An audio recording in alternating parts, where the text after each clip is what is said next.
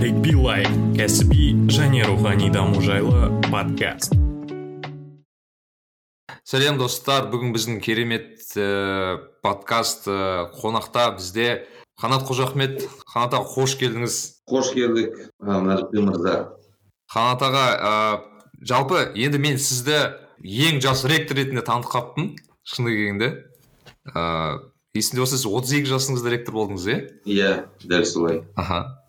Иә мен білмеймін осы әсіресе мына айти университетте айти ә, саласындағы университетте отыз екі жаста ректор болу деген кәдімгі маған жаңалық болды.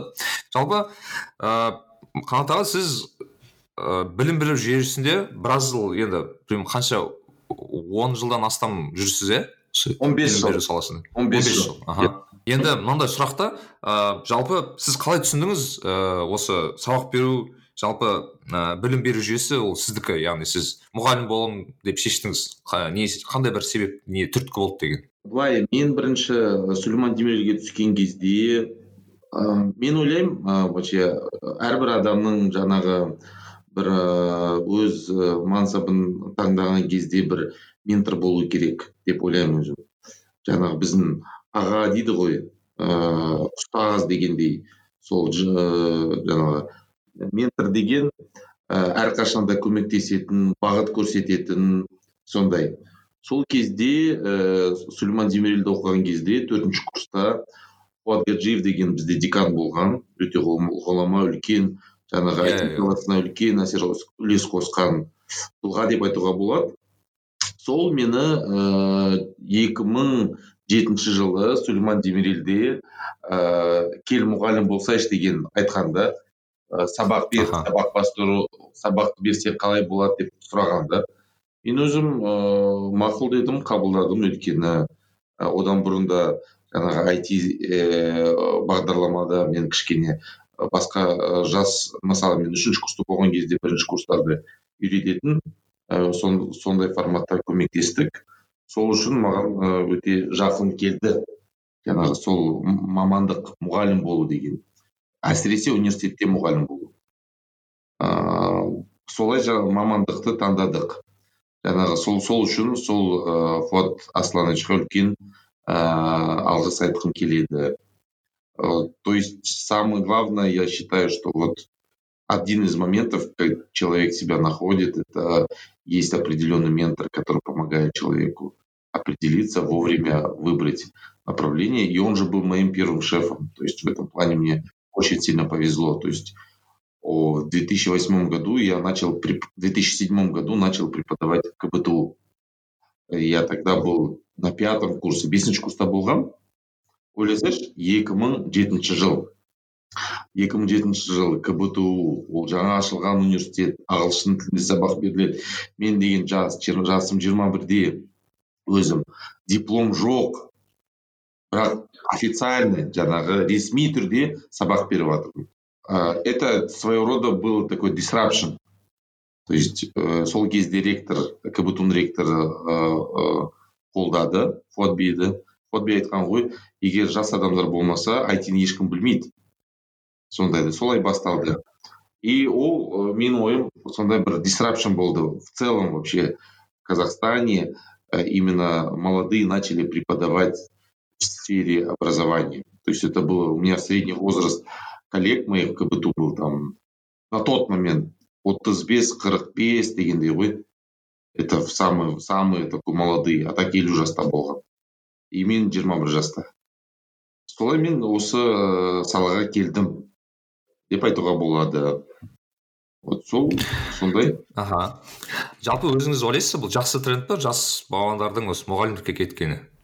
мысалы университет бітіре салып немесе бітірмей жатып бастап кетуі конечно выбор у каждого свой не все обязаны идти но э, sharing knowledge это важная основа дим да то есть вообще э, должны идти в образование по статистике например казахстан до сих пор не по количеству э, кандидатов наук и докторов э, еще не произошел 1965 год именно КЗССР по статистике, если сравнивать пропорцию, пропорцию количества э, людей, которые вовлечены в науку и в образование, именно в высшей сфере образования. сол үшін ә, мен ойлаймын қазақстанға өте маңызды Тем более, когда э, этот, основное лицо ученого, она стареет.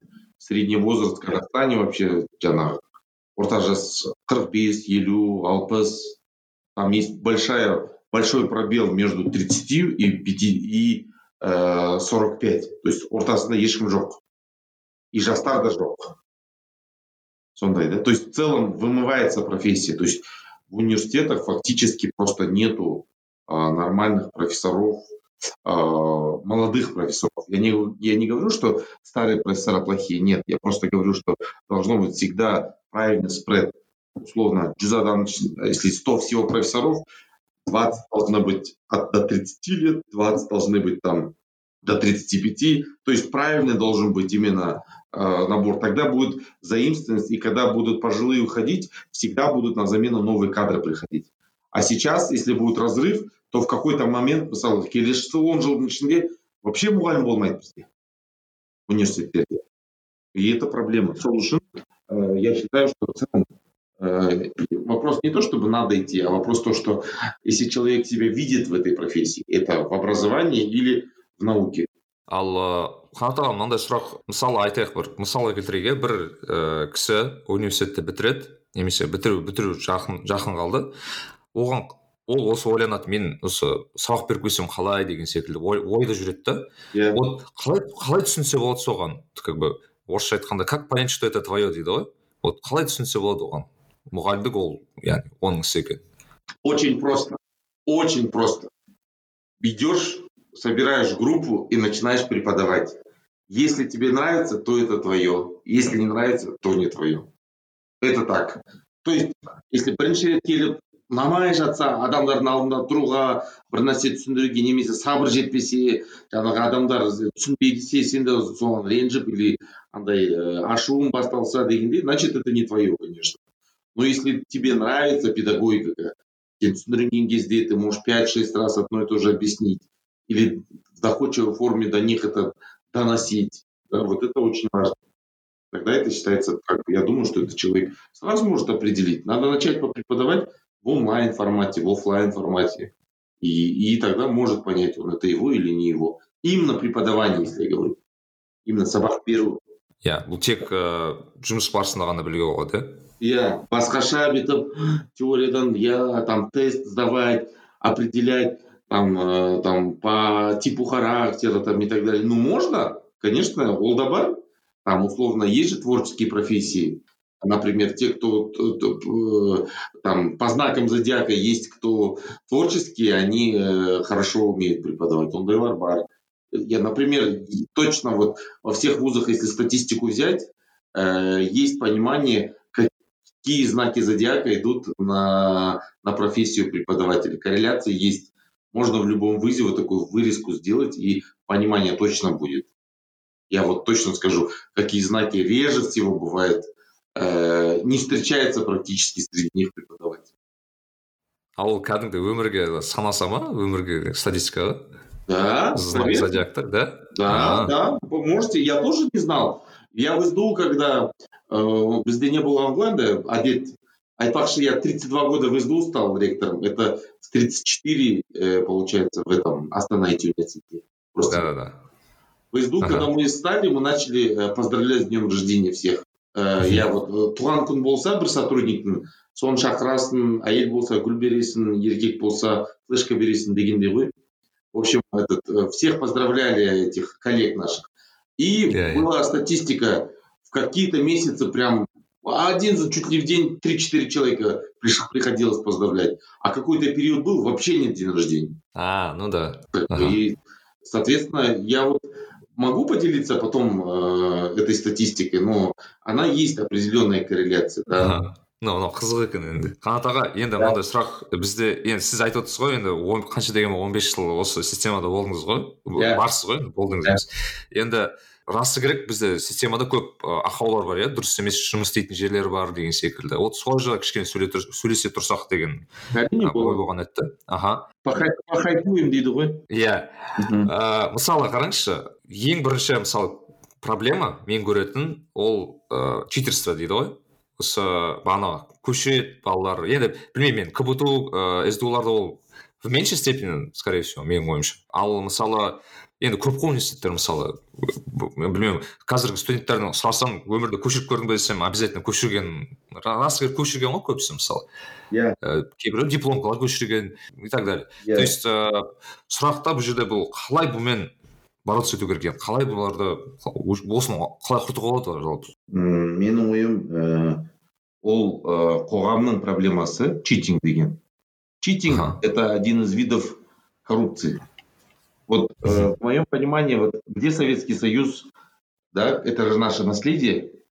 Иә да, вот анализ проводить, если где он, где была совершена определенная ошибка, то есть что повлияло на раскол на самом деле, да, один из моментов, конечно, были там нефтяные эмбарго там и так далее, финансовая сторона однозначно, там бюрократия была в свое время, но я вот в прошлый раз, когда ты тоже был, я хотел вот в общем сделать такую ремарку. Э, У нас Ага. вот в странах СНГ, в советском, м, бывш- страны бывшего Советского Союза, есть такое понимание, как институт стукачества, да? иә иә иә Он на- рассмотрен в негативной форме. Вот откуда уличные понятия взялись? Сен білесің ба Нарықби?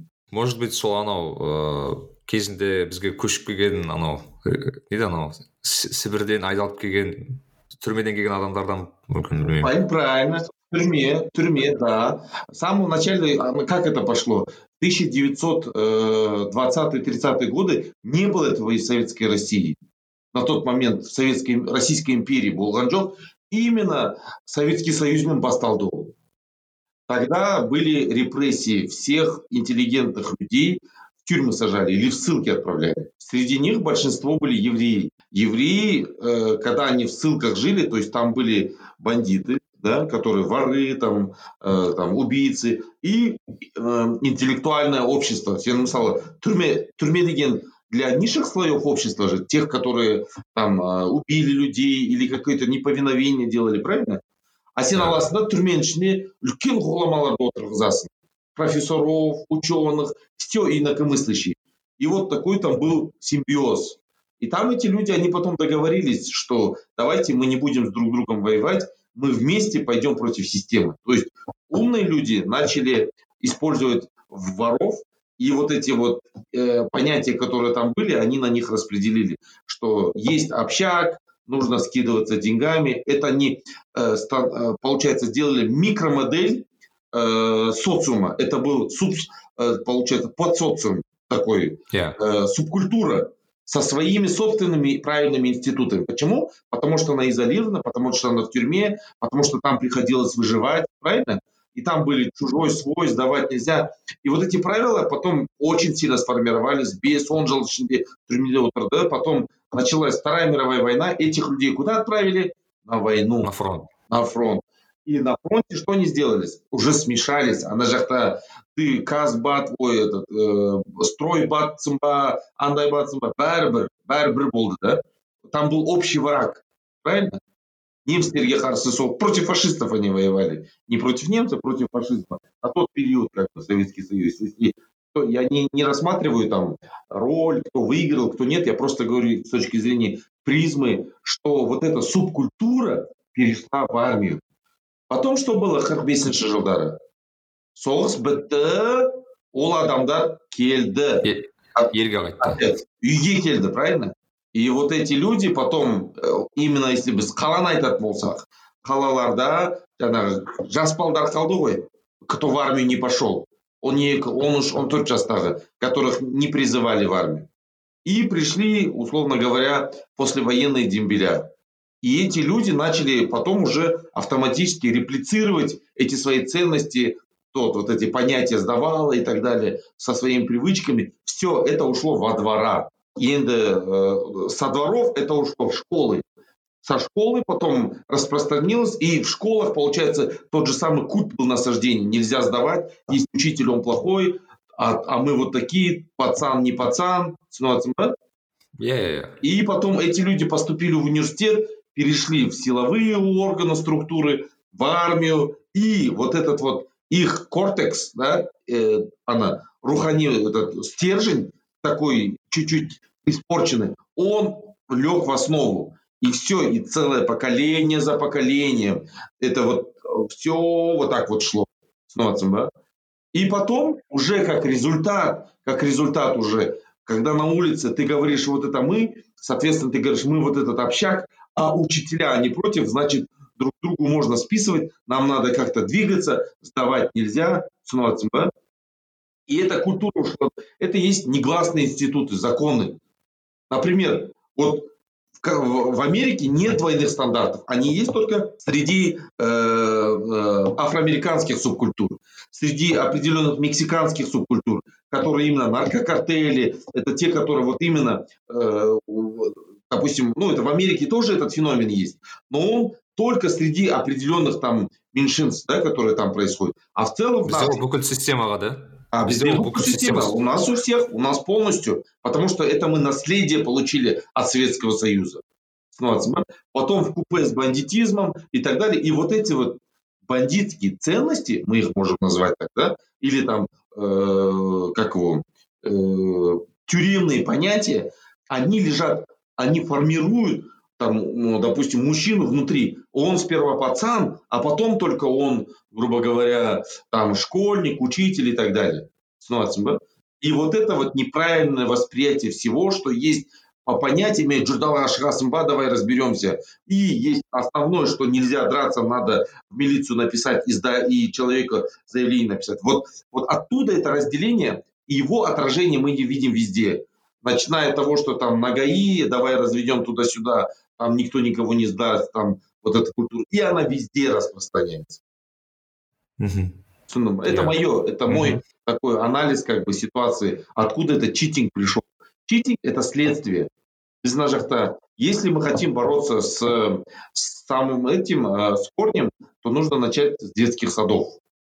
Гаун Шпек деген үлкен ғұлама болған он совместно делал исследование он сульман демирелден мұғалім болған ғой біздің профессор айтқан монтессори школа монтессори поможет искоренить, искоренить радикальные формы течения то есть вот это экстремизм религиозный экстремизм и так далее. И именно за, правильно заложенный формат Монтессори, который есть в воспитании в детских садах, он полностью вот эту систему поменяет. вот у него был такой тезис. Сол үшін мен ойлаймын ана балабақшадан бастау керек мектептерде дұрыс не істеу керек да? То есть мысалы мен айттым ғой ана кореяда там они все сдают это нормально. То есть даже yeah, yeah. тот слово что я употребляю сдают это уже я использую терминологию жаңағы вот этих понятий правильно? А на самом деле yeah. э, за рубежом слова сдавать нету но там есть правильно информировать допустим о каком-то э, правонарушении. Сулейвом из-за этого как бы вот проблема у нас везде такая. У нас очень много, у нас милицейское государство, потому что и уровень, уровень преступности не такой, не, допустим, в Германии там у них э, очень мало полицейских, но э, каждый э, немец полицейский, он расскажет, как есть полиция. Вот. А у нас такого не расскажут. Даже если что-то ты слышал, я ничего не знаю, я ничего не слышал. Там хоть, блин, бомба взорвалась. Но из-за этого у нас приходится увеличивать количество э, полицейских, потому что люди не сдают. То есть люди не сотрудничают вообще абсолютно. Да?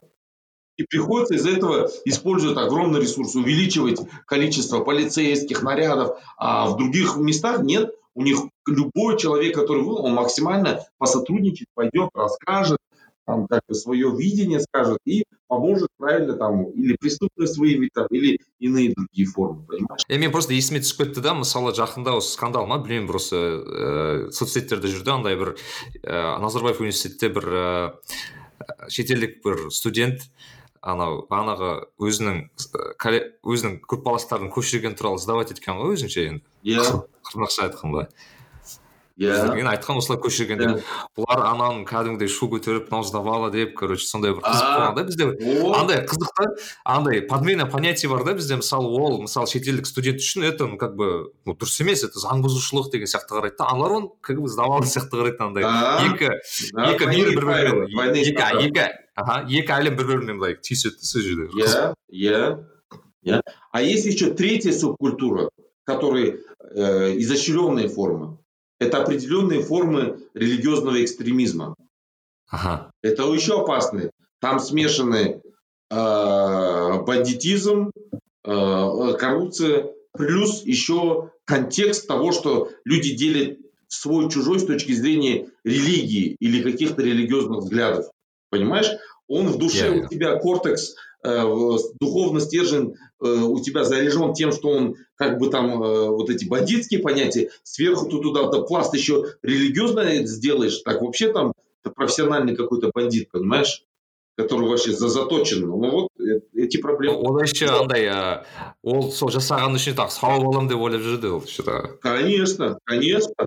Да вот это очень хорошо вот именно э, религиозный экстремизм ложится э, допустим э, последний э, который вот э, был же как это там ИГИЛ запрещенная террористическая mm-hmm. организация э, yeah. в Европе ехали туда воевать именно субкультуры и меньшинства которые испытывали. То есть это э, ярко отразило полностью, допустим, проблему евроцентризма и интеграции именно других э, меньшинств в европейское общество.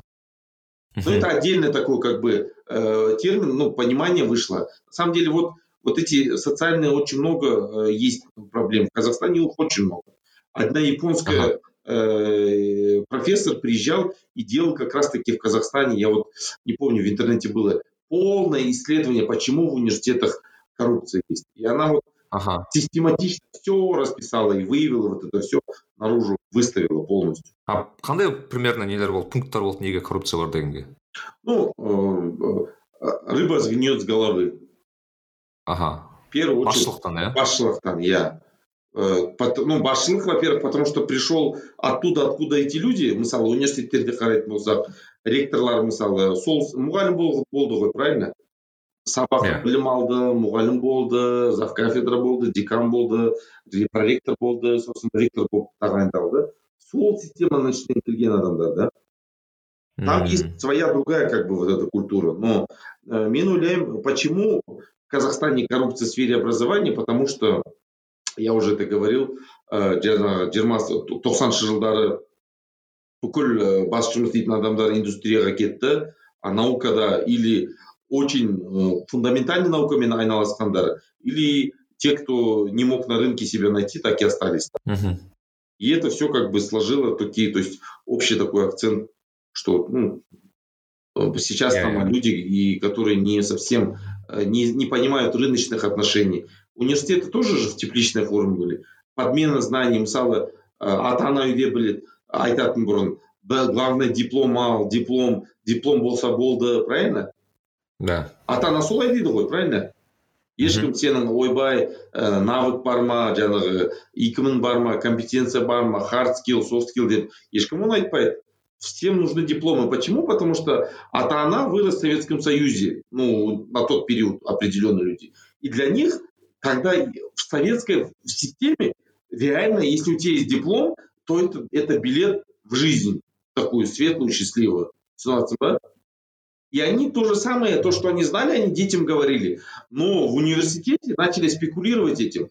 То есть все говорили, тебе же диплом главное, не знание. Он, он напрямую воспринимает. Ну да, ну все тогда, давай вот здесь ты порешай, вот здесь вот столько закинь, андай мындай сен диплом үшін оқыватсың ғой білім үшін емес дегендей да и ата ана бәрі айтады сен бітір по любому сен білімге ешкім қарамайды ты там зацепись біз ана ағам бар я тебя туда засуну ты там начнешь двигаться главное диплом алып алшы осы түсініп ба неправильные установки закладываются и все и потом это же тоже э, когда снизу идет спрос а мұғалімдер условно говоря первый раз ақша жоқ там у тебя дома семья и ты приходишь и там тебе как деньги подсовывают чтобы там э, как бы не приходить на уроки. И все, порочный круг начинается, и эта система начинает работать. қанекей мынандай сұрақ бізде ә, тағы бір проблемалар бірі ол дипломка деген проблема бар да мен мысалы өзім таң қаламын мысалы бірінші мәселе ол дипломкалар көбісі өздері жазбайды это понятно бұрыннан бері бар зат ол біреу жазып тұрады оны специально тапсырыс береді деген секілді yeah, бұрыннан yeah, бері зат yeah. ә, бірақ мысалы екінші зат бар да бізде дипломка жазған кезде ә, мысалы актуальность деген бір графаны толтырасың сен қаншалықты сенің работаң актуальный там инновационный и так далее. Просто білмеймін енді ол жақ шынымен айтқанда өтірік жазылады да ана жерде ше мысалы қайдағы инновация ол? Ана жерде бір бір шыққанда бір үш жүз студент шығады оның әрқайсысы бір инновация бола бермейді ғой мысалы. Иә. Мысалы ойлайсың да бұл жерде отырып ол өз өзіңді алдау да енді ана шын айтқанда дипломка ана ана дипломка емес енді кәдімгідей просто бір жұмыс әтірі жасай алады оны біз дипломка деп көрсетеміз просто мысалы шетел университеттер дипломка деп кәдімгі бір ыыы исследованияны алады немесе өте бір қиын бір күрделі затты алып ұсынады да бізде бір болмайтын бұл кейде болмағыш заттарды дипломка деп ұсына береді. Иә. Соның бір қандай бір несі бар ма? Решениесі бар ма? Әлде ол вообще дипломканы алып тастау керек пе? Әлде вообще қазір мысалы кейбір университеттер алып тастап отыр екен оны уже. Ну это академическая свобода. Хочешь убирай хочешь нет. Вопрос в другом, что преподаватели не могут правильно э, задавать критический анализ делать. Становится, да? Ага. Если, потому что он же э, тему дипломки дает. И он студента менторит и показывает, в какую сторону двигаться. А студент угу. потом э, ну, что-то там делает. Это у преподавателя нет. Нам стало Глаевой, допустим, я, например, преподаю, да? Айтарлықтай, например, я Э, допустим, социология, например, специальность социология, или там э, Казахстан тарих дейікші, да? И у меня всегда в голове проблемы. Блин, не үшін Қазақстанда осындай осындай зерттелген жоқ. У профессоров, те люди, у которых есть критическое мышление, у них же постоянно в голове какие-то проблемы, идеи, правильно? Да. Правильный человек. И потом, что такое дипломка на самом деле? Откуда она вышла?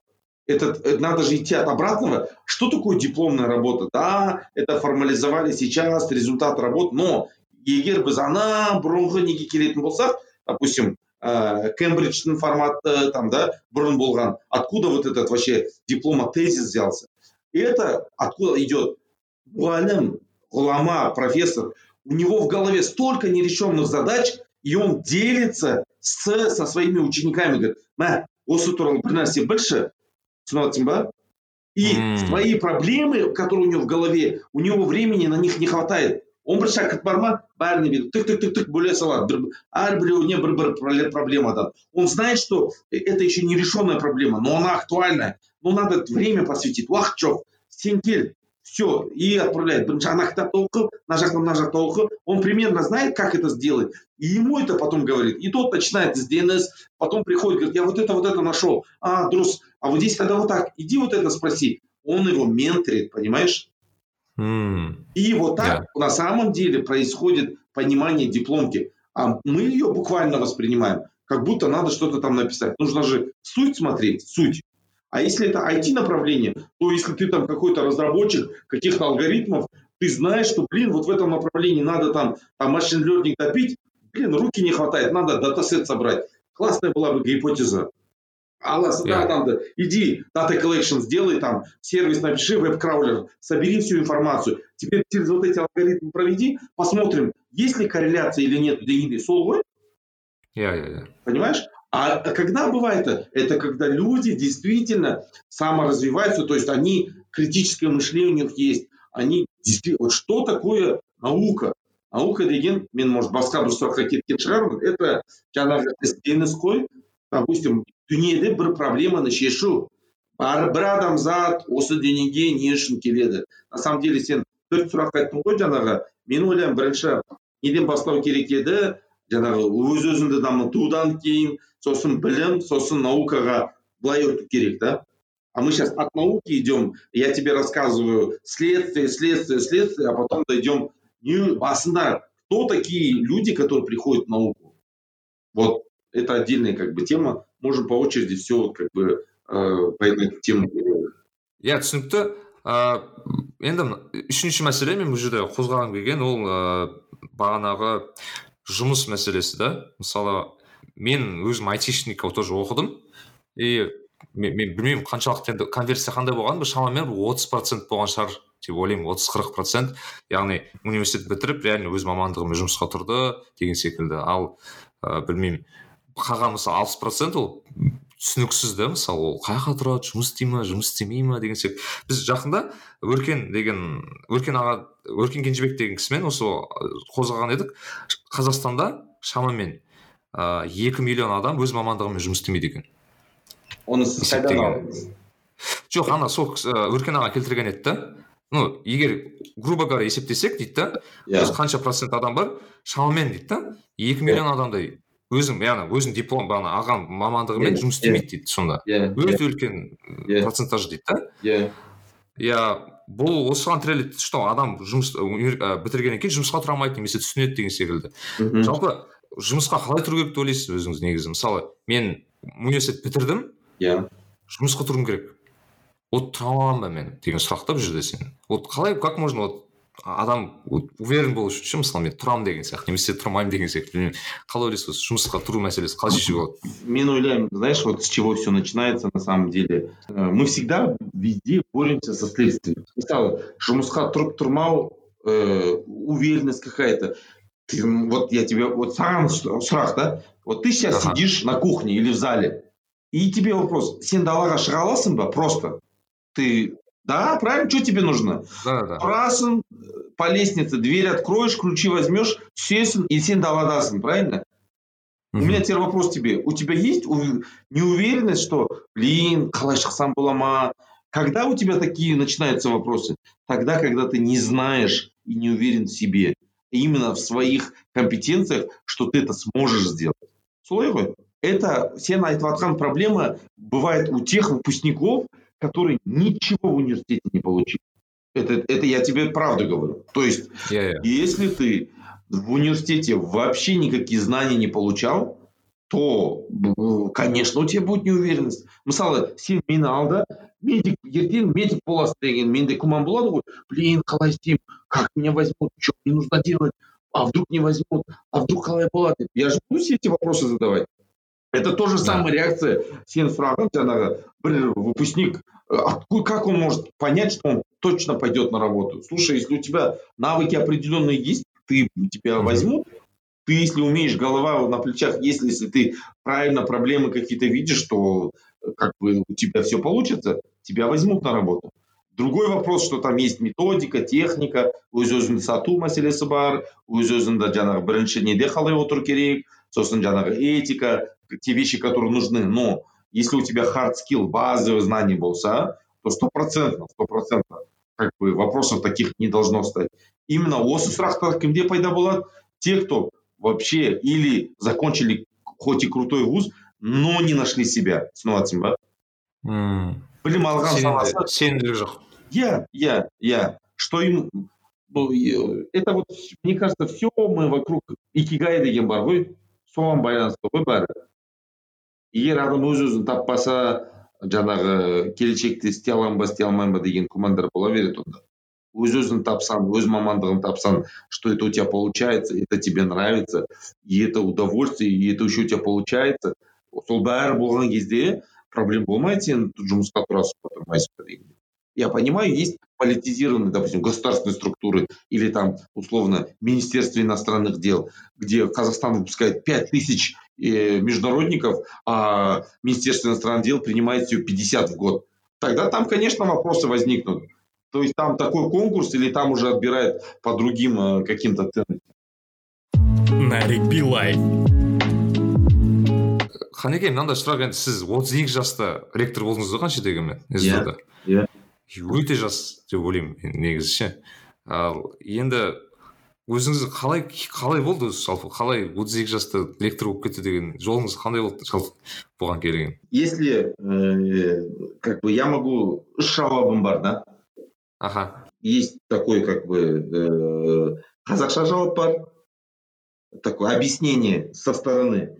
Ей мынаның бағы бар короче. Екінші э мынаның связи бар да иә иә как у нас это делают и үшінші если ретроспективамен қарайтын болсақ өзім э, обезличенный мысалы э, на- ш- ш- какие у меня были навыки когда я в университете учился IT образование на английском языке правильно үш навык болды енді ііі былай қарайтын болсақ келешекте бір университеттің ректоры болу үшін қандай навык керек деп сенен сұраған кезде какие бы ты требования поставил однозначно ағылшын тіл білу керек правильно иә однозначно он должен работать в сфере образования не в коррупционных понимать как она изнутри работает солай ғой и үш IT тренды цифровизацию должен знать вот енді мысалы э, так получилось что у меня вот эти три направления были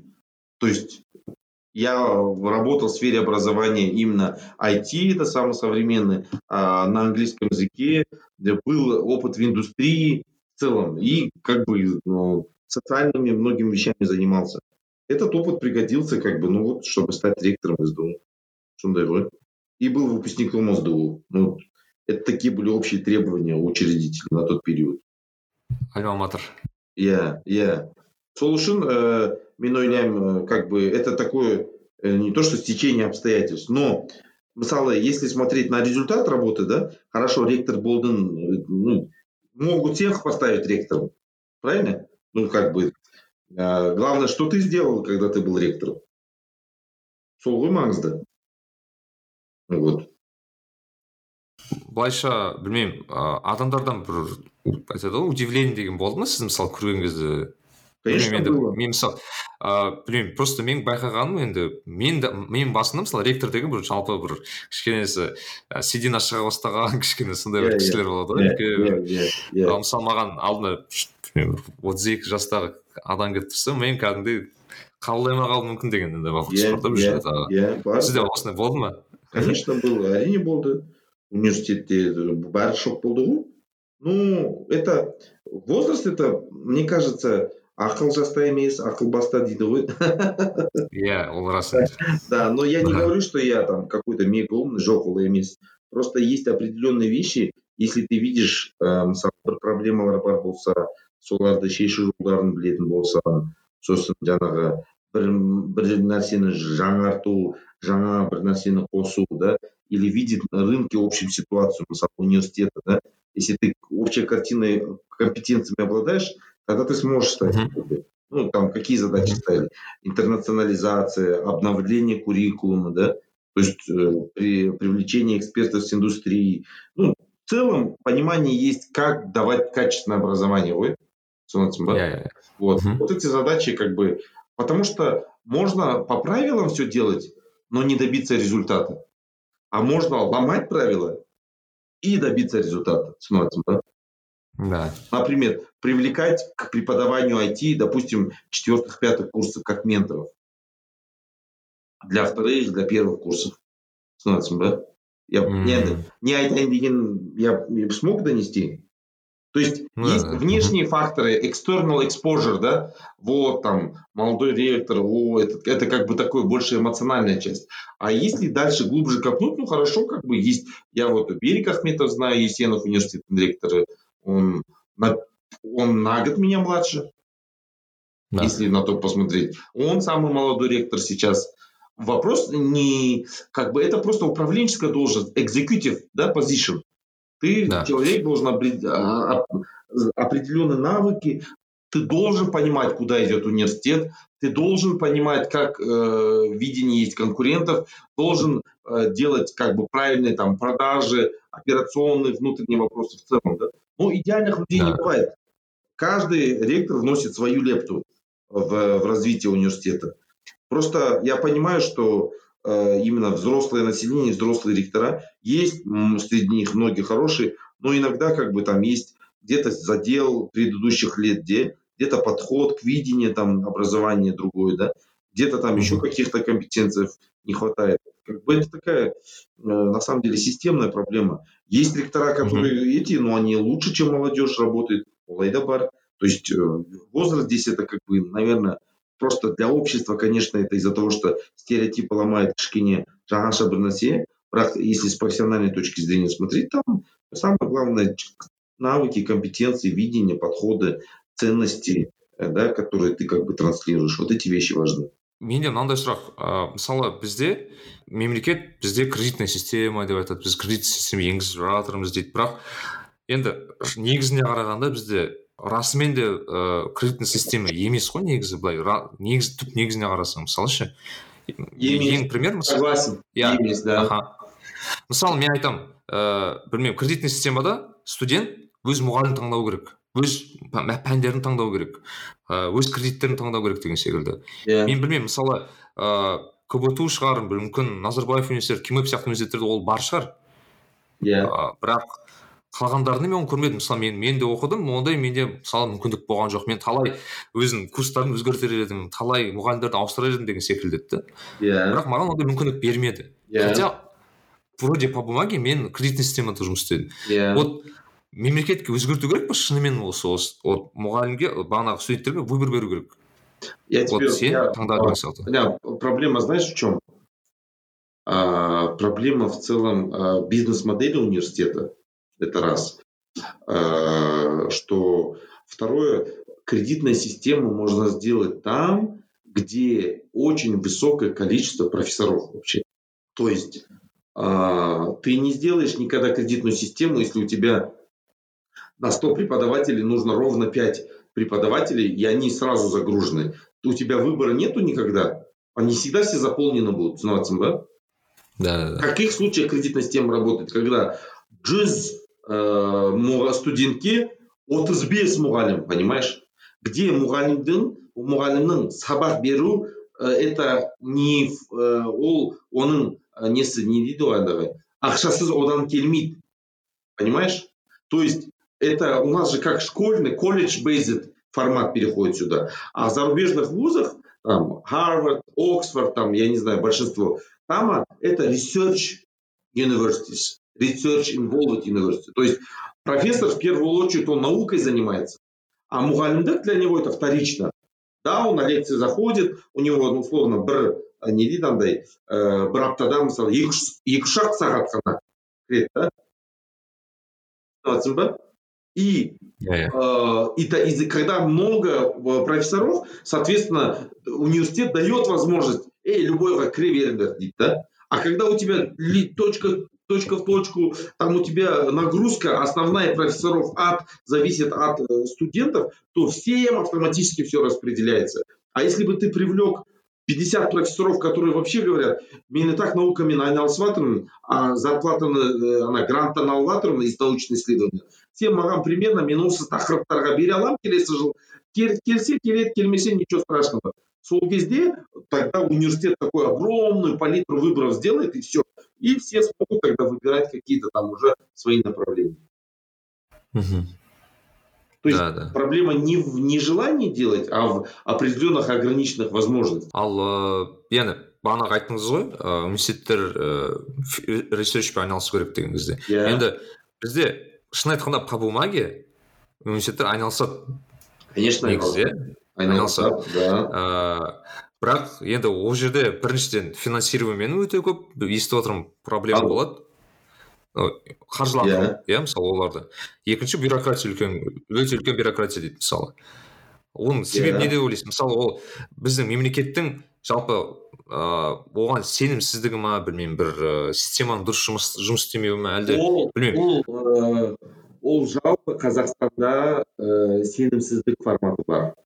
Ты в каких случаях ы, былай ғой омар хаямның ана выражениесі бар ғой если у тебя получилось обмануть кого-то это означает что он доверял тебе больше чем ты того заслуживаешь ага то же самое э, почему у нас проценты высокие кредита в стране это и корень проблемы, и почему у нас бюрократизирована наука, на самом деле это оба отражения одной проблемы.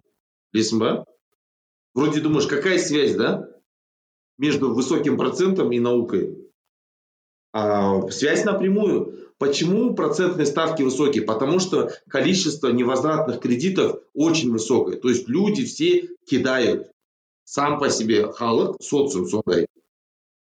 Это раз. мхм Второе. Да. Нету концептуально у нас тезис недоверия идет в первую очередь. Мысалы саған мемлекеттік ақша берсең если тебе например вот представь есть два человека да ты один который порядочный второй который непорядочный я тебе даю деньги говорю на там мектеп салшы обоим даю тому дал он сбежал мысалы а ты все все сделал правильно и он адам ішінде біреу нормально делает тоғыз сбегает ворует я что должен делать я начну правила писать вот э, ана банковский гарантия бар ма андай справка бар ма где ты живешь чтобы тебя найти правильно Осынша вот такой-то сделай вот там купи вот такие регламенты и начинаю нормативами разными тебя обставлять для того чтобы снизить э, вероятность того что ты своруешь. Теперь наукаға келетін болсақ государственные гранты финансирование которые выделяется за рубежом они под честное слово даются понимаешь? А.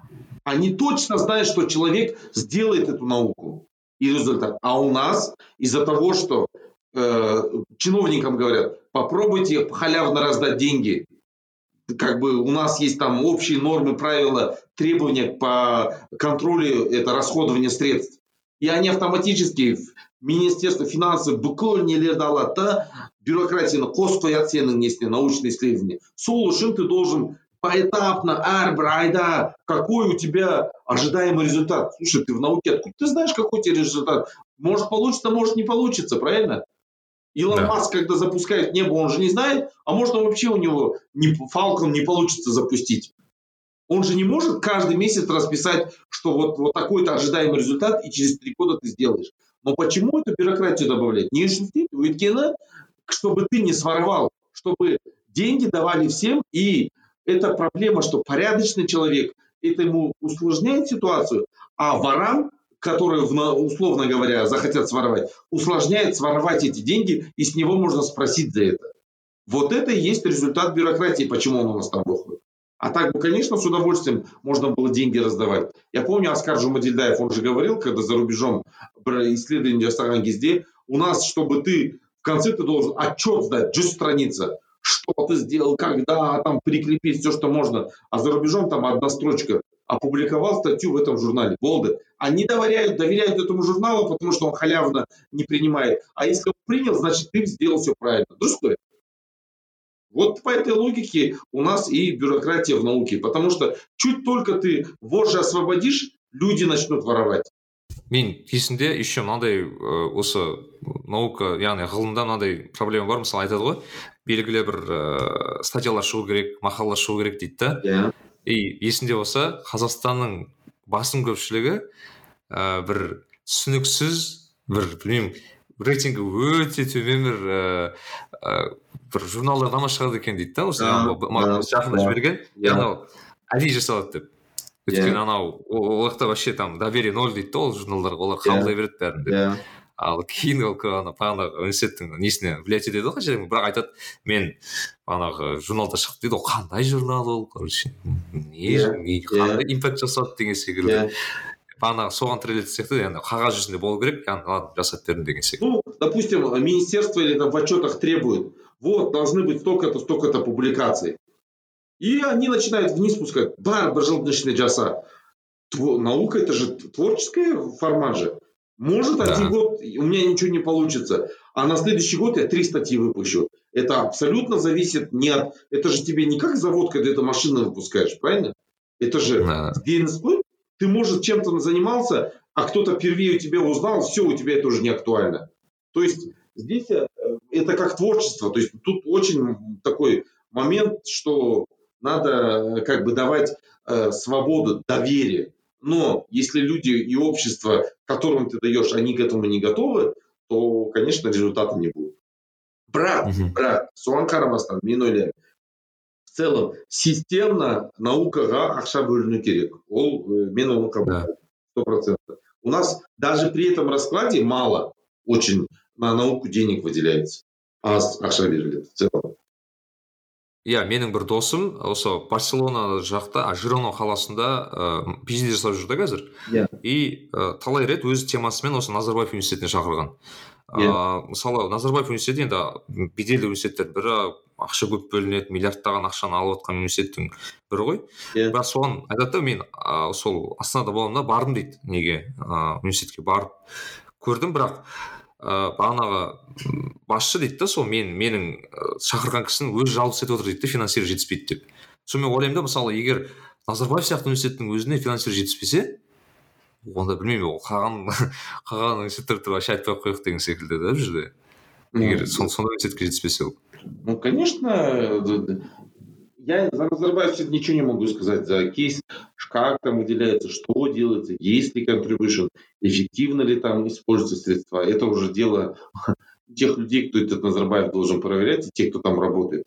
Но в целом, yeah. егер науканы айтатын болсақ мен ойлаймын это э, однозначно ақша бөліну керек то есть человеку надо давать свободу ездить на конференции разные да можно даже без причины понимаешь обязательно бір уже мақалау үшін бару деген керек жоқ просто должно же быть финансирование нормальное қанеке мынандай сұрақ қазір ә, тіл мәселесі көтеріліп жатыр біз қазақ қоғамында иә yeah. Иә. яғни қазақ тілі бар орыс тілі бар бағана ағылшын yeah. Иә. үш тілік дейміз енді өзіңіз өзіңіздің ойыңыз қалай былай бізде жеке стандарт болу керек па ыыы университеттердің тіл былай реформасына байланысты яғни менің бұл жерде сұрағым мен мысалы кейбір университетте тек қазақ тілін үйрету керек орыс тілін үйрету керек па? Мысалы мен ағылшын тілінде вообще үйрендім сіз де ағылшын тілін үйрендіңіз деп ойлаймын. Мысалы өз мысалы айти университеттердің көбінесе ағылшын тілін үйретеді бізде. Ыыы мысалы ыыы білмеймін.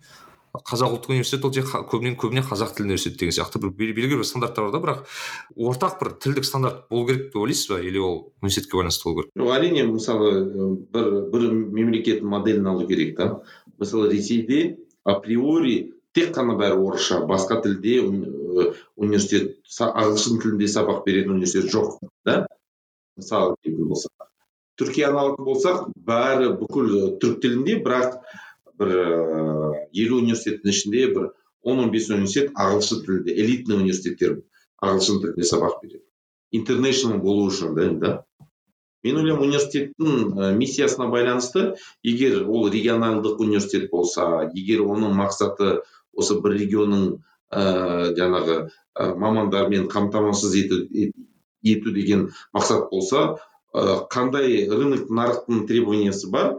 Ә, соған сәйкес бағдарламаны қазақ тілінде бола ма орыс тілінде бола ма немесе ағылшын тілін қосып бола ма дегендей соны айту керек. Бірақ менің менің үшін мен ойлаймын да ә, жапония немесе германия сияқты екі мемлекеттің моделін алу керек. Мысалы германия ол қалай? Бүкіл университеттер ә, неміс тілінде сабақ береді. Көбісі. Бірақ бүкіл профессорлар жаңағы сабақ нені сабақ берген кезде ағылшын тілінде жаңағы хомворк бере береді да.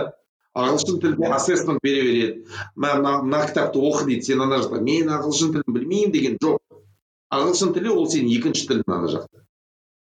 бірақ сен не, бүкіл нені неміс тілінде істеп жатрсың ол да проблема емес та или жапония сияқты абсолютно барлығы жапон тілінде болады болды бірақ единый стиль бәріне иә иә ол ә, мемлекеттік политикаға байланысты это на самом деле ә, мен ойлаймын андай какой у нас государственная политика ставит задачи соған қарай университеттер Э, я думаю must have это все бүкіл ғұламалар ағылшын тілін білу керек. Егер сен тек қана қазақ тілі маманы болмасаң немесе андай специфический ну просто тек өзің үшін керек та ол тіл. Иә. Yeah. то есть я не дискриминирую жоқ ондай емес. Әрине сен өз тіліңді құрметте ә, басқа тіліңді де біл деген проблема жоқ ол жақта. Бірақ менің ойым тек қана қазақша болса проблем жоқ если у нас достаточно мы сможем э, бүкіл дүниедегі наука же на английском языке идет в мире любой салат алатын болсақ правильно если мы сможем переводить это все на қазақ тіліне бүйтіп күн сайын мысалы елу кітап шықса елу кітап күн сайын аударып отыратын болсақ и у нас қазақ тілі мемлекет қор тілінде есть вся мировая литература на казахском языке тогда можно вообще забить на другие языки, сказать, у нас все есть. Но когда у тебя практически ничего нету, вот вопрос тогда так стоит, нести смысл.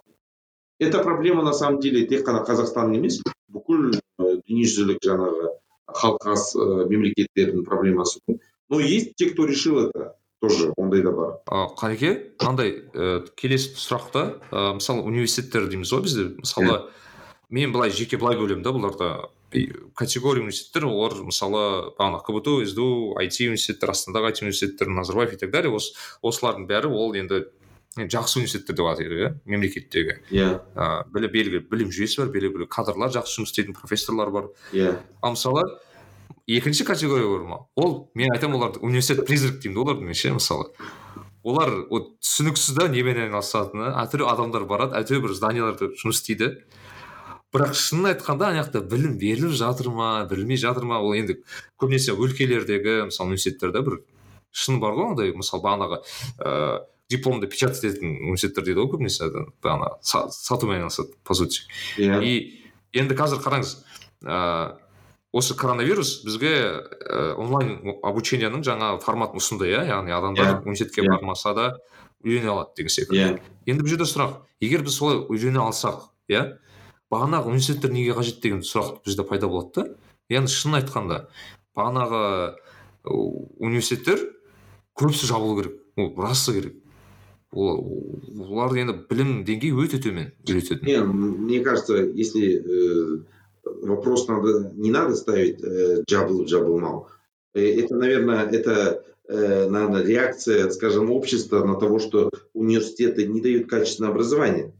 мәселе сол жерде ғой то есть сен оған қарай, қалай қарайтын болсаң от какую оценку М, если популистский формат конечно жабу керек а если э, мысалы сен халқымыздың несін э, білімін көтеремін десең тогда университеты нужно просто качество улучшать сондай да менің ойым менің ойым если как бы есть было бы понимание то тогда бы надо э, просто кадрово обновить полностью состав э, учителей э, преподавателей в университетах мысалы сен кандидат наук болсаң какой то ғұлама болсаң хорошо иди занимайся наукой.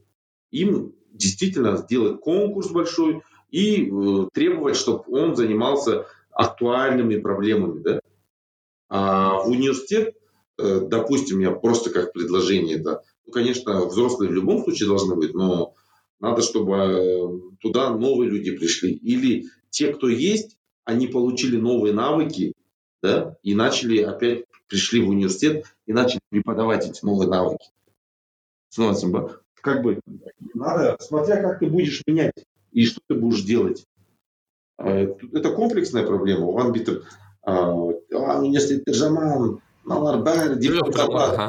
білім жоқ дегендей ну как бы да, да, бар бар жоғын это определяют ну внешний срезбен қарайтын бұл например студенттерден оценка аласың университет саған ыыы жаңағы университеттегі білімін саған ыыы жаңағы ыыы жұмыс табуға көмектесті ма немесе сен са- маман бойынша сала бойынша жұмыс істеп жатрсың ба дегендей Э, ондай нелер болатын болса если в университете все нормально то пусть остается университет как бы, ну называется колледжем да потому что в университете нужно наукой заниматься да, как бы нужно инновации делать, вот это важно.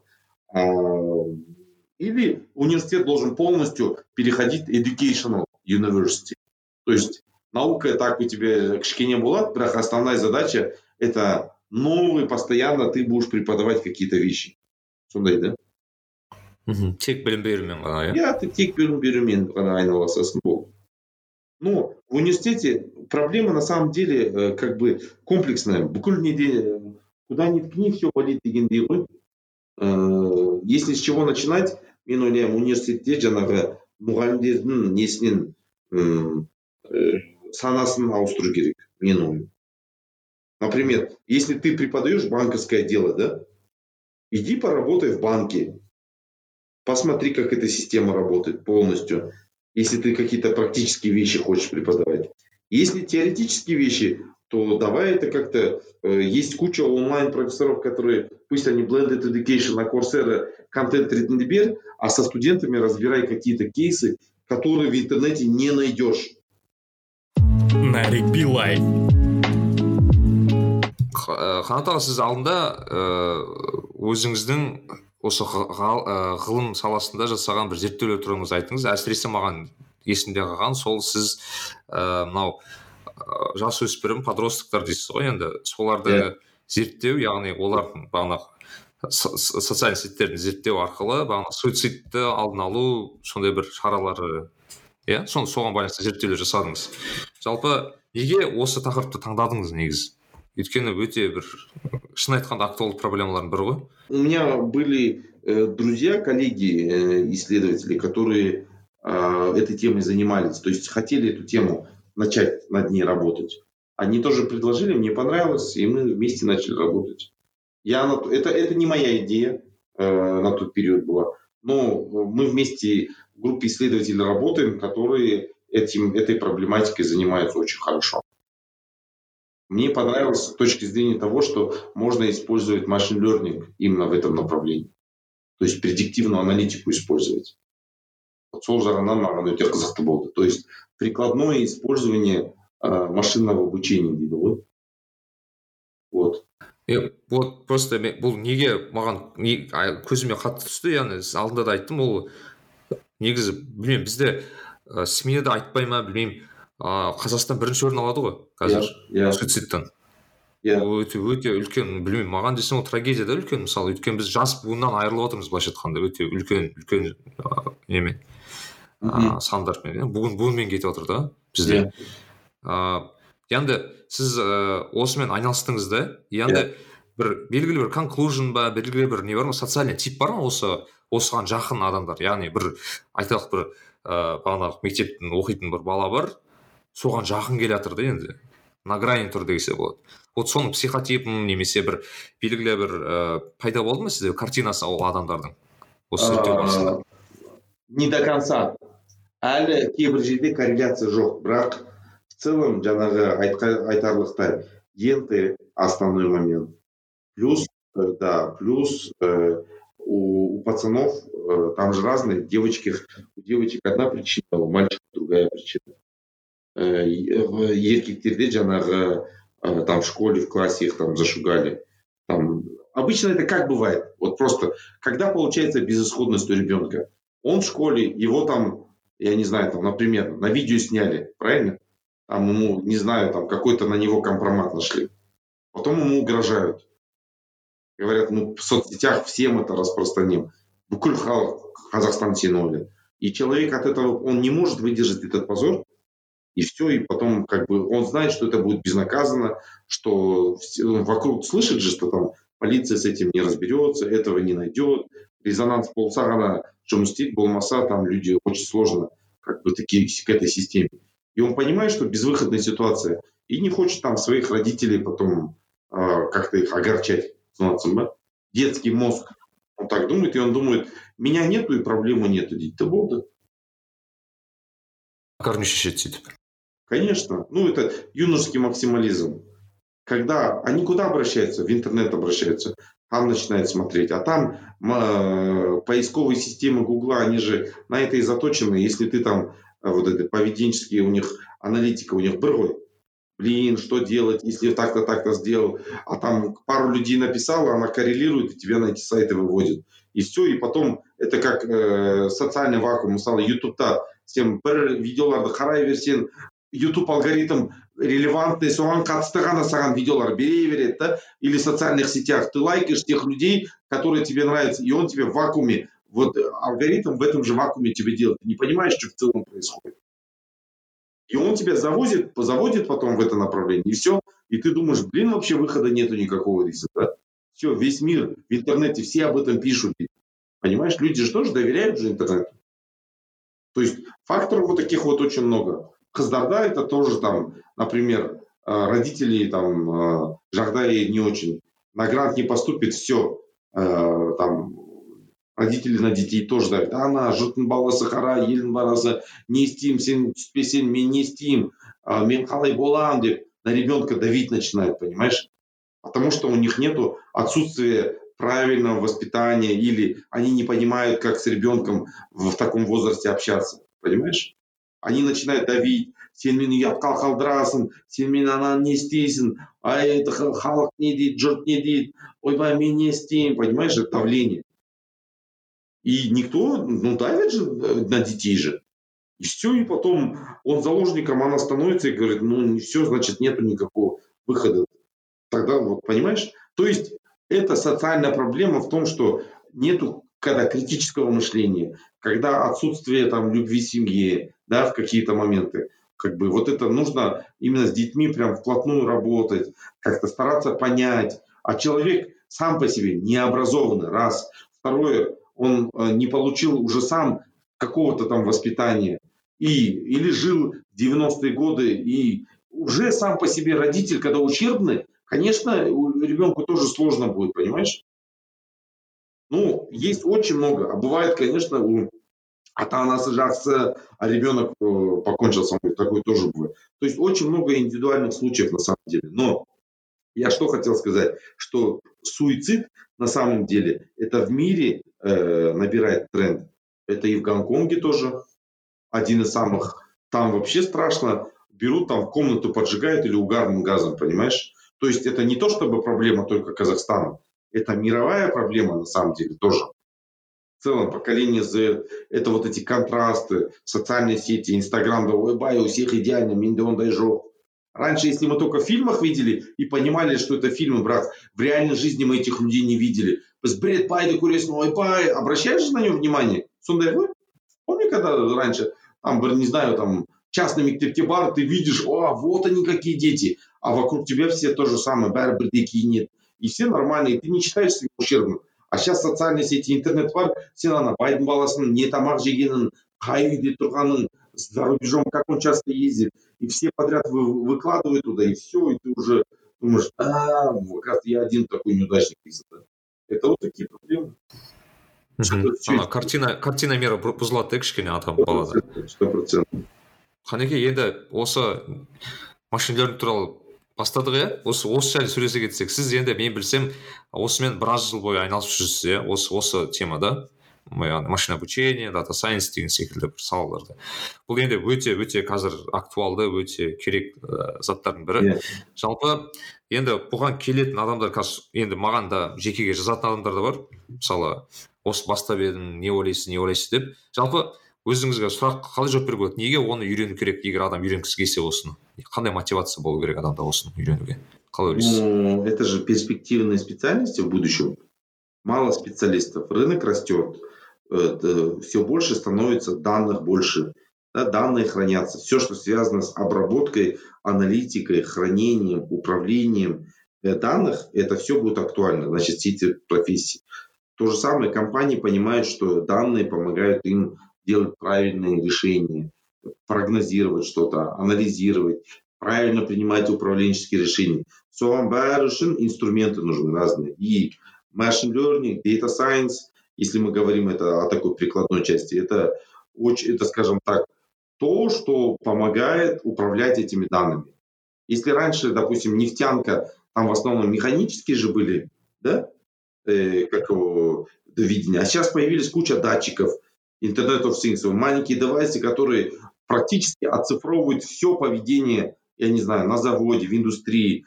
И а, оцифровывает, значит, это данные. С этими данными надо работать чтобы что-то из этого какую-то ценность выносить. Или управлять, или прогнозировать. А для этого всего нужны как бы специалисты. И, соответственно, это индустрия новая относительно, когда статистика смешивается с, с бизнесом и в первую очередь с прикладным программированием. И там очень много математики на самом деле. И, и все, и вот ты начинаешь как бы с этим всем работать. Solution Data Science у тебя но если человек хочет этим заниматься. Но надо четко понимать, что это получается не у всех. Это железно. Ол деген адам ә, немен айналысу.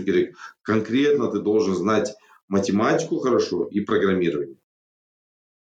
Если у тебя в школе было, в университете, никогда ты с ней не дружил, то какая бы ты крутая специальность ни была, у тебя ничего не получится. Ты будешь менее конкурентным. То есть это, в моем понимании, это так. Все. Но есть очень много дополнительных инструментов. Если тебе это вообще в целом нравится, там же есть Microsoft Power BI, потом разные SaaS, Гембар, да, очень много платформ решений, где не требуется навыков программирования, но требуется понимание там аналитики и других вещей. Да, вот там как бы, как бы можно еще как бы обойтись, да, этими вещами.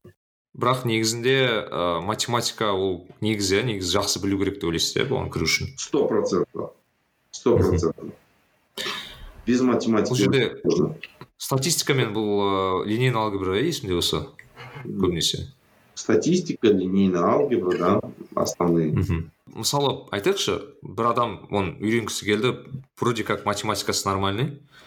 Иә вроде как несі бар? Бағанағы программирование кішкене бір навыктар бар.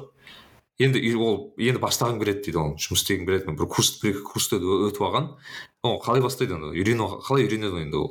ол бір интерншипқа бара ма немесе білмеймін бір даналарды алып өзі жазып келе ма просто надо понять такое или должен поступать на магистратуру за рубеж а или Б вариант, у тебя есть ровно один год, что ты можешь себя обеспечивать и можешь нигде не работать, то тогда есть там онлайн-курсы разные, которые нужно пройти, их очень много в Data Science, да.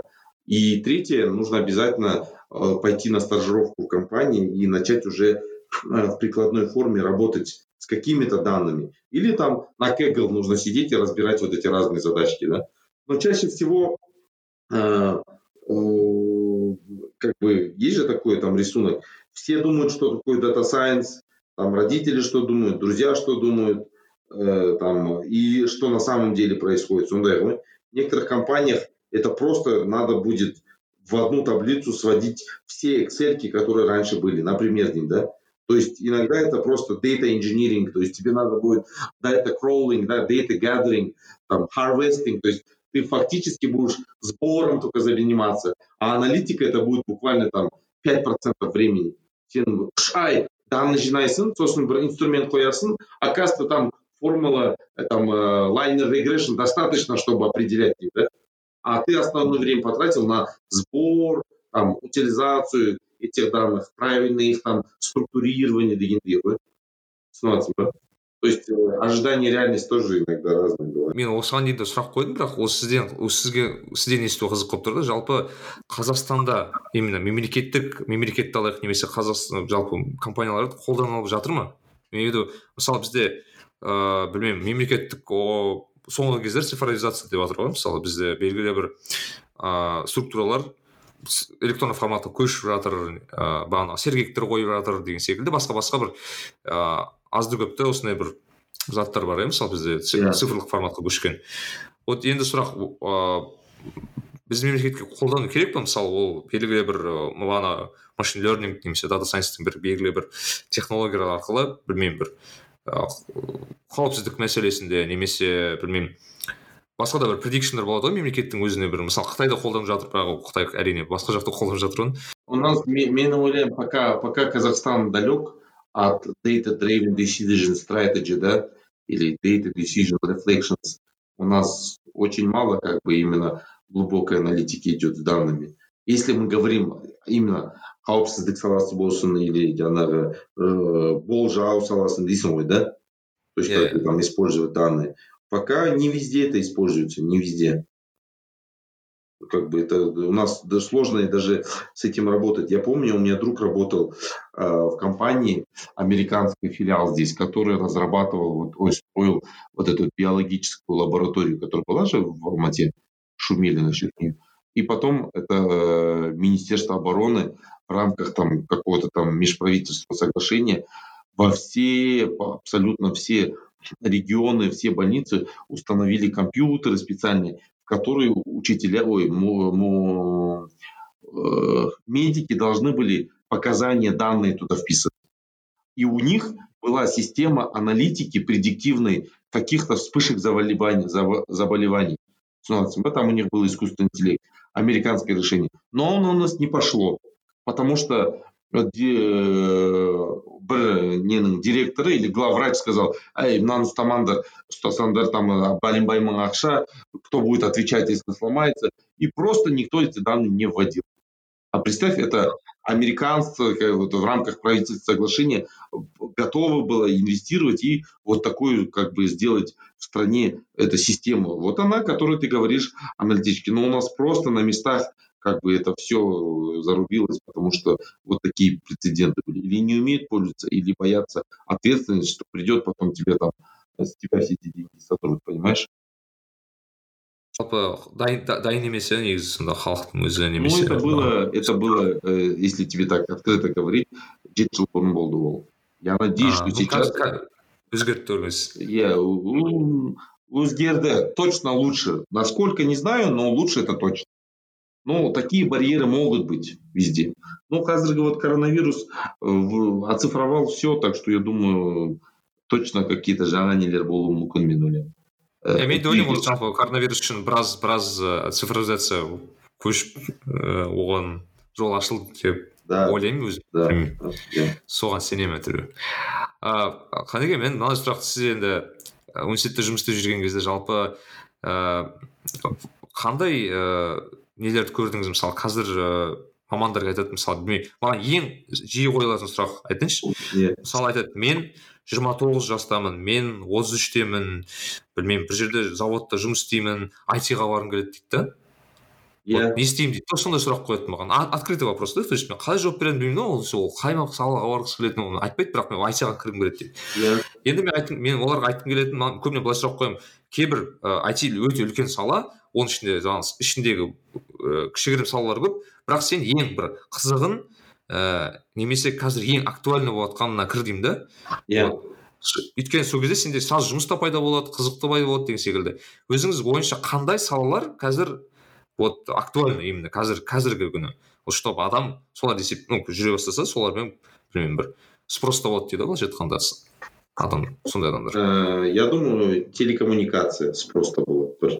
Это однозначно потому что повсеместно будут оцифровывать оцифровывать это означает прокладывать интернет каналы связи правильно потом соответственно в дата-центры э, то есть это вот все что связано именно hardware телекоммуникация хранение данных это будет актуально. Можно найти Казахтелекоме, то есть же там как бы и в таких компаниях там, э, нужны эти специалисты. Все, кто занимается обслуживанием серверов, облачных хранилищ. Потому что фактически, когда мы говорим цифровизация, мы говорим о облаках, правильно? Где это будет храниться. Потом э, все, то есть обслуживающие сервисы. Вот это, это всегда актуально. Два э, это разработка, это базы данных. Да? То есть работа с базами данных, это тоже специалист всегда в спросе практически.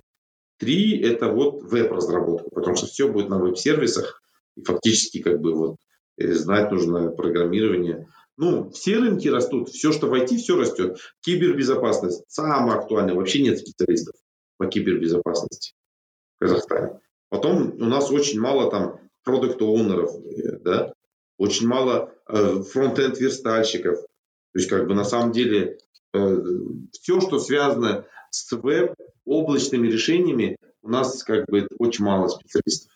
И телекоммуникации, это минуем, и кибербезопасность осы төрт салада ә, жұмыс табуға болады нарик билай.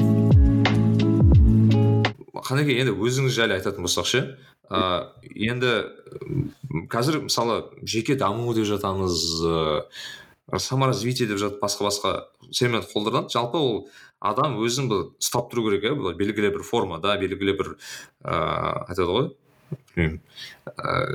Өзін ыыы актуал ұстап тұру керек актуальный болу керексің әрқашан иә иә? жалпы өз жеке өзіңізге байланысты сіз өзіңізді қалай дамытасыз дамытуға тырысасыз? Мысалы белгілі бір статьялар оқисыз ба кітаптар оқисыз ба? Немесе белгілі бір lifestyle бар сізде соған тәріптейтін қалай жалпы өзіңіз өзі ұстап тұра аласыз э, есть скажем так операционная деятельность да күнделікті там э, поддержание здоровья это там занятия спортом правильные привычки здоровый образ жизни дегендей это связано с существующей то есть это long term э, скажем так те вещи которыми надо заниматься.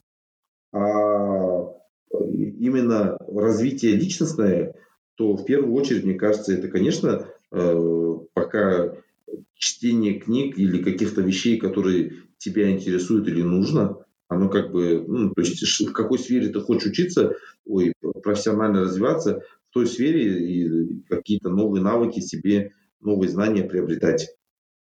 Сондай да? То есть если ты э, хочешь работать, ну, или ты работаешь, например, в сфере, а, я просто условно называю, IT-образование, то все, что с этим связано, как бы э, ты в этом плане и книги читаешь, и смотришь, да. Потом человек должен всегда смотреть все, что происходит в мире.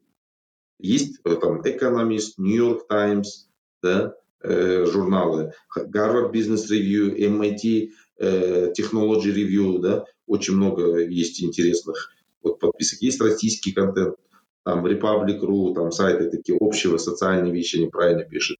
Есть подписки на разные YouTube-каналы, смотришь, что в социуме сейчас происходит, например, да, в российском контенте, что происходит, в казахстанском этом, подписке на разных лидеров местных, э, именно local э, opinion makers дейді соларды тыңдайсың мысалы то есть смотря как бы делить надо так что происходит в казахстане слушаешь тех людей или на них подписан а второе есть в мировом формате какая повестка дня смотришь и өзінің саласына байланысты бірінен аласың э, направление там подписка журналы там, да, и там личностное развитие какие-то там интересные вещи вот 4 5 6 информации и стараешься вот э, следить за ними и в целом у тебя тогда актуальные какие-то будут э, э, ну, информация для размышления, которая в будущем тебе поможет делать какие-то правильные решения. А так вот эти стандартные книги там, э, я тоже советовал почитать людям, если ты знаешь, богатый папа, бедный папа, там, сам себе финансист, стать лучше версией себя, вот этот монах, который купил Феррари. Видишь, это стандартная литература. Я думаю, их, их всех надо прочитать для себя важно. Потому что они все говорят об одном. Они все тебе э, говорят, какой формат мышления у тебя должен быть, как ты должен формироваться перед солу. Вот и это тебе дает общее представление картины мира, ценностей каких-то там, там 7 навыков высокоэффективных людей. Просмотреть просто в целом все, что связано с софт-скиллами, все вещи нужно как бы ну, изучать, смотреть. Это очень важно, я считаю. Подкасты слушать разные специализированные.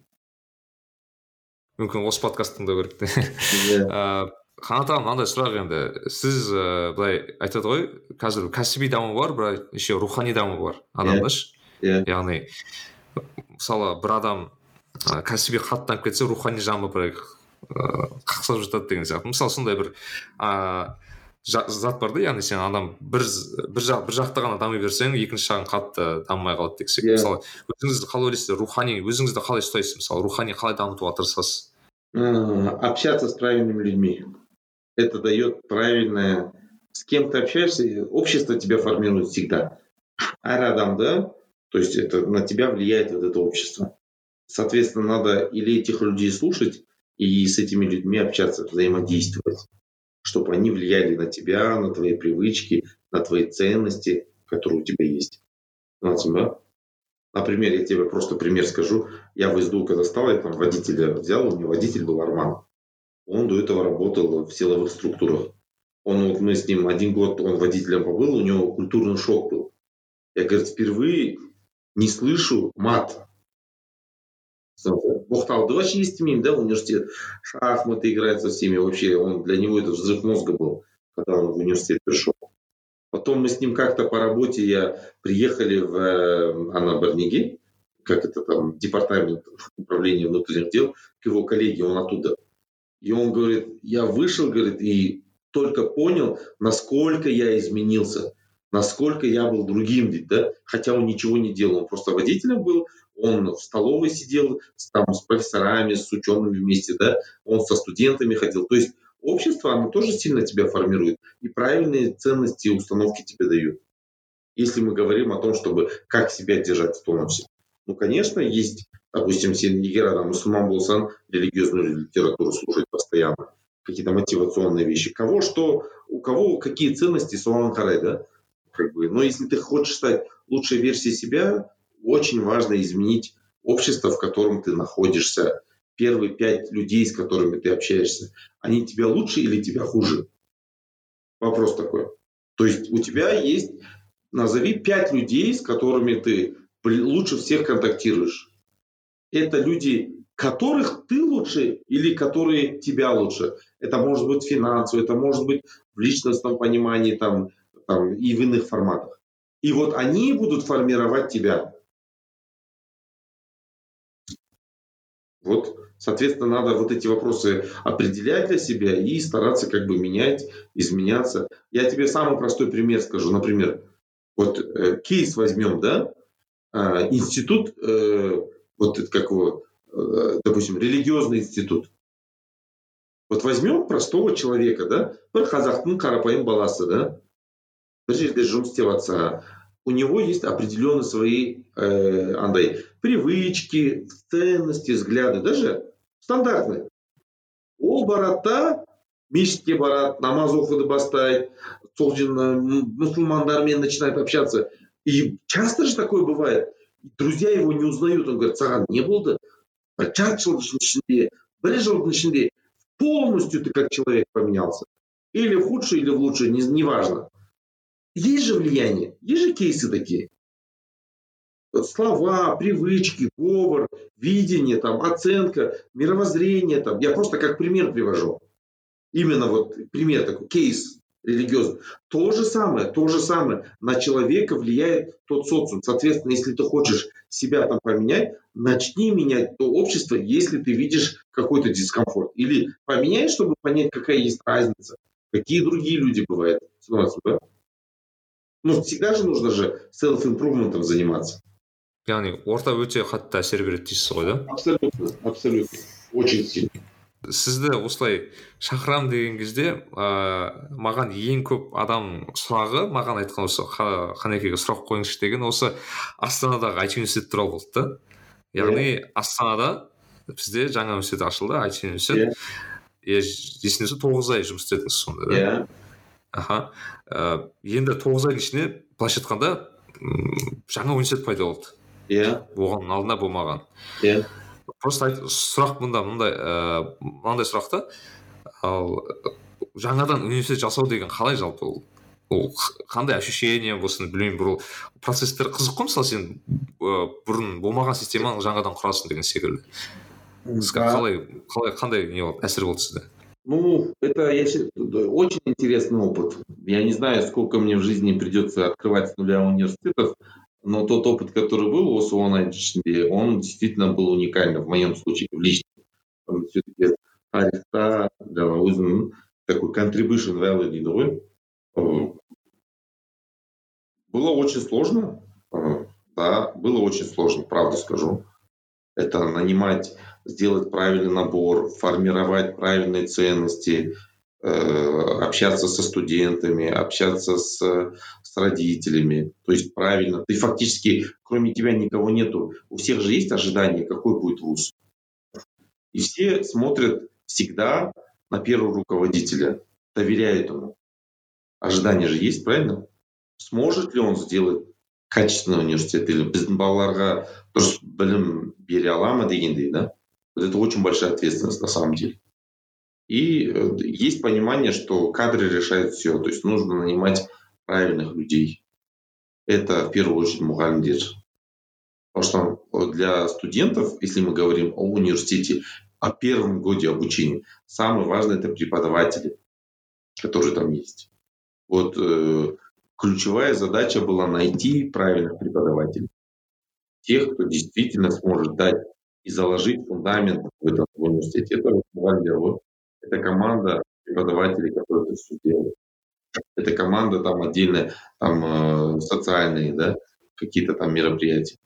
То есть это вот, вот эти люди и команда, которая невидимый фронт, это академический департамент, да, там бухгалтерия, правовой, ну, то есть там очень много. Но ключевую ценность в университете, в моем понимании, это в первую очередь профессора и преподаватели. Здание, да, однозначно играет роль, facilities, commodities, да, инфраструктура, там, да, материально-техническая база. Это ключевое, как, конечно, здесь огромную роль уже до этого отработал и прошлый был там э, ректор, и учредители э, огромный вклад внесли, которые вот это здание, там очень много там политических моментов, там, да, вот эти все моменты. Я не говорю, что прям с нуля я же не строил это здание, правильно? То есть там уже был ремонт, там уже там было там запланированы многие вещи, как бы сказать, что прям я с нуля открыл, нет, не так. Однозначно до этого был определенный пласт работы. В моем понимании, что, э, какие задачи были, э, где было мое персональное contribution, это enrollment, да, это привлечение студентов, раз.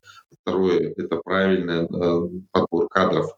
Два, переезд в университет именно и запуск учебного процесса вот эти вещи, как бы, э, да, я считаю, что мы вот это правильную культуру, вот это все заложили.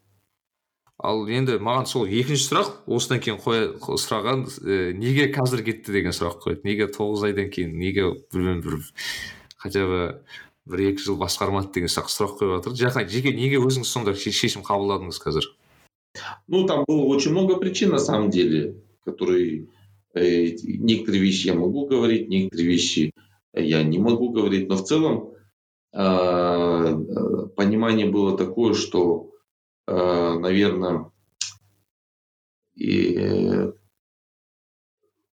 были определенные ожидания свои собственные, личные.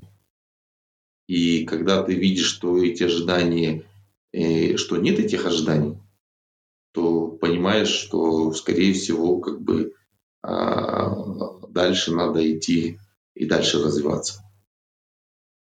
Вот если общем, в общем говорить, то примерно это так.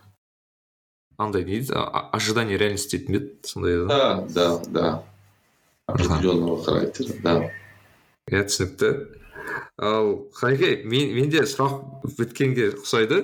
Енді менің соңғы сізден сұрайтын ол жалпы бізде осы подкаст соңында әрқашан осы қонақтардан осы жеке тыңдармандарға қандай бір кеңес ақылыңызды айтқыңыз келеді деген сұрақ негізі бір. Өзіңіз мысалы ағалық болсын інілік болсын білмеймін бір қандай бір ақыл кеңес айтар едіңіз негізі өзіңіз өзіңізден? Ну знаешь я так скажу что мысалы то же самое там кель бір тост айт дейді ғой сказать там тост пожелание там на день рождения. Обычно человек желает другим то что он на самом деле желает себе мысалы сен ты когда кому-нибудь тост говоришь ты фактически говоришь о тех вещах которые тебя беспокоят. Да, частично, и ты эти вещи ему, как бы, этим людям это желаешь. А, я думаю, что, ну, самое главное, ключевое нужно, чтобы я пожелал, это всегда эм, не стоять на месте и развиваться. Да, это раз. Второе, это э, всегда мечтать. арман әр адамның арманы болу керек арман болмаған кезде это, это как ВКонтакте было известное изречение Леонардо Ди Каприо. Если у тебя нет мечты, то ты будешь э, следовать тем, тех людей, у которых есть эти мечты. Ты будешь их мечты реализовывать. Если ты свою мечту не будешь реализовывать, то будешь ходить, то ты обязательно будешь реализовывать чью-то чужую мечту, правильно? Ну вот, как бы я бы хотел, чтобы посоветовать всем всегда, чтобы Первое, люди нашли себя, люди нашли, ответили на вопрос, кто они по жизни, какая их цель в этой жизни и что они хотят сами от этой жизни. Да, вот миссия и мечта какая у них. И вот этому следовать. Никогда не унывать, всегда есть, как бы, я вот тебе так просто жизненно кредо, да, абсолютно все люди ошибаются. Абсолютно. Нету людей, которые не делают ошибок. А если ты ничего не делаешь, то ты уже ошибаешься. Правильно? Так что әрбір адамның ыыы көп деген қателіктері бар всегда у всех абсолютно и надо как бы никогда не унывать идти дальше и это будет толчок для развития каждая ошибка это твоя э, это твой новый опыт ты этим самым опыт покупаешь какой-то то есть те люди которые хотят заняться чем-то новым однозначно должны понять что вначале у них не все может быть получаться, и чтобы они не унывали никогда. И шли дальше, мечтали, и это обязательно все сбудется. армандарына жетеді иә бізде андай бір проблема бар сияқты иә шынымен адамдар аз армандай ма білмеймін иә арманы жоқ қой адам армандаудан қорыққан иә армандар аз пирамида маслоу если конечно жаңағы бүгін тамақ күнкөріс никто не отменял это легко говорить арман туралы, но когда ты голодный, ты как бы уже тебе об этом сложно думать. Но всегда, независимо, вот многие люди в фильмах, когда показывают же всегда, у людей всегда, какой бы он ситуации ни ходил, у них есть какая-то мечта. И надо всегда исследовать. И бір күні болады мен ойлаймын иә сол үшін армандарыңыздар қанат көп рахмет менің ойымша өте керемет отырыс болды білмеймін өзім біраз затқа жауап алдым сізге көп рахмет ә, жұмысыңызға береке берсін алда бір емес бірнеше университет ашады деген ойдамын Рахмет рахмет. Құдай қаласа. Иә. Ал тыңдармандарға көп рахмет тыңдағандарыңызға. Осы әлеуметтік желілерде бөлісе жүріңіздер подкаст тыңдап жүре беріңіздер қош сау болыңыздар. Көп рахмет. Саған да рахмет арпи осындай ә, жексенбі күні уақыт бөлдің. Э, вопросы ставишь которые заставляют самого задуматься заново. Это тоже очень полезно бывает на самом деле. Я наверное больше диалог вел сам с собой нежели как бы басқа біреулерге это время переосмыслить многие вещи заново проговорить вслух. Это тоже было очень полезно рахмет. Нарик билай кәсіби және рухани даму жайлы подкаст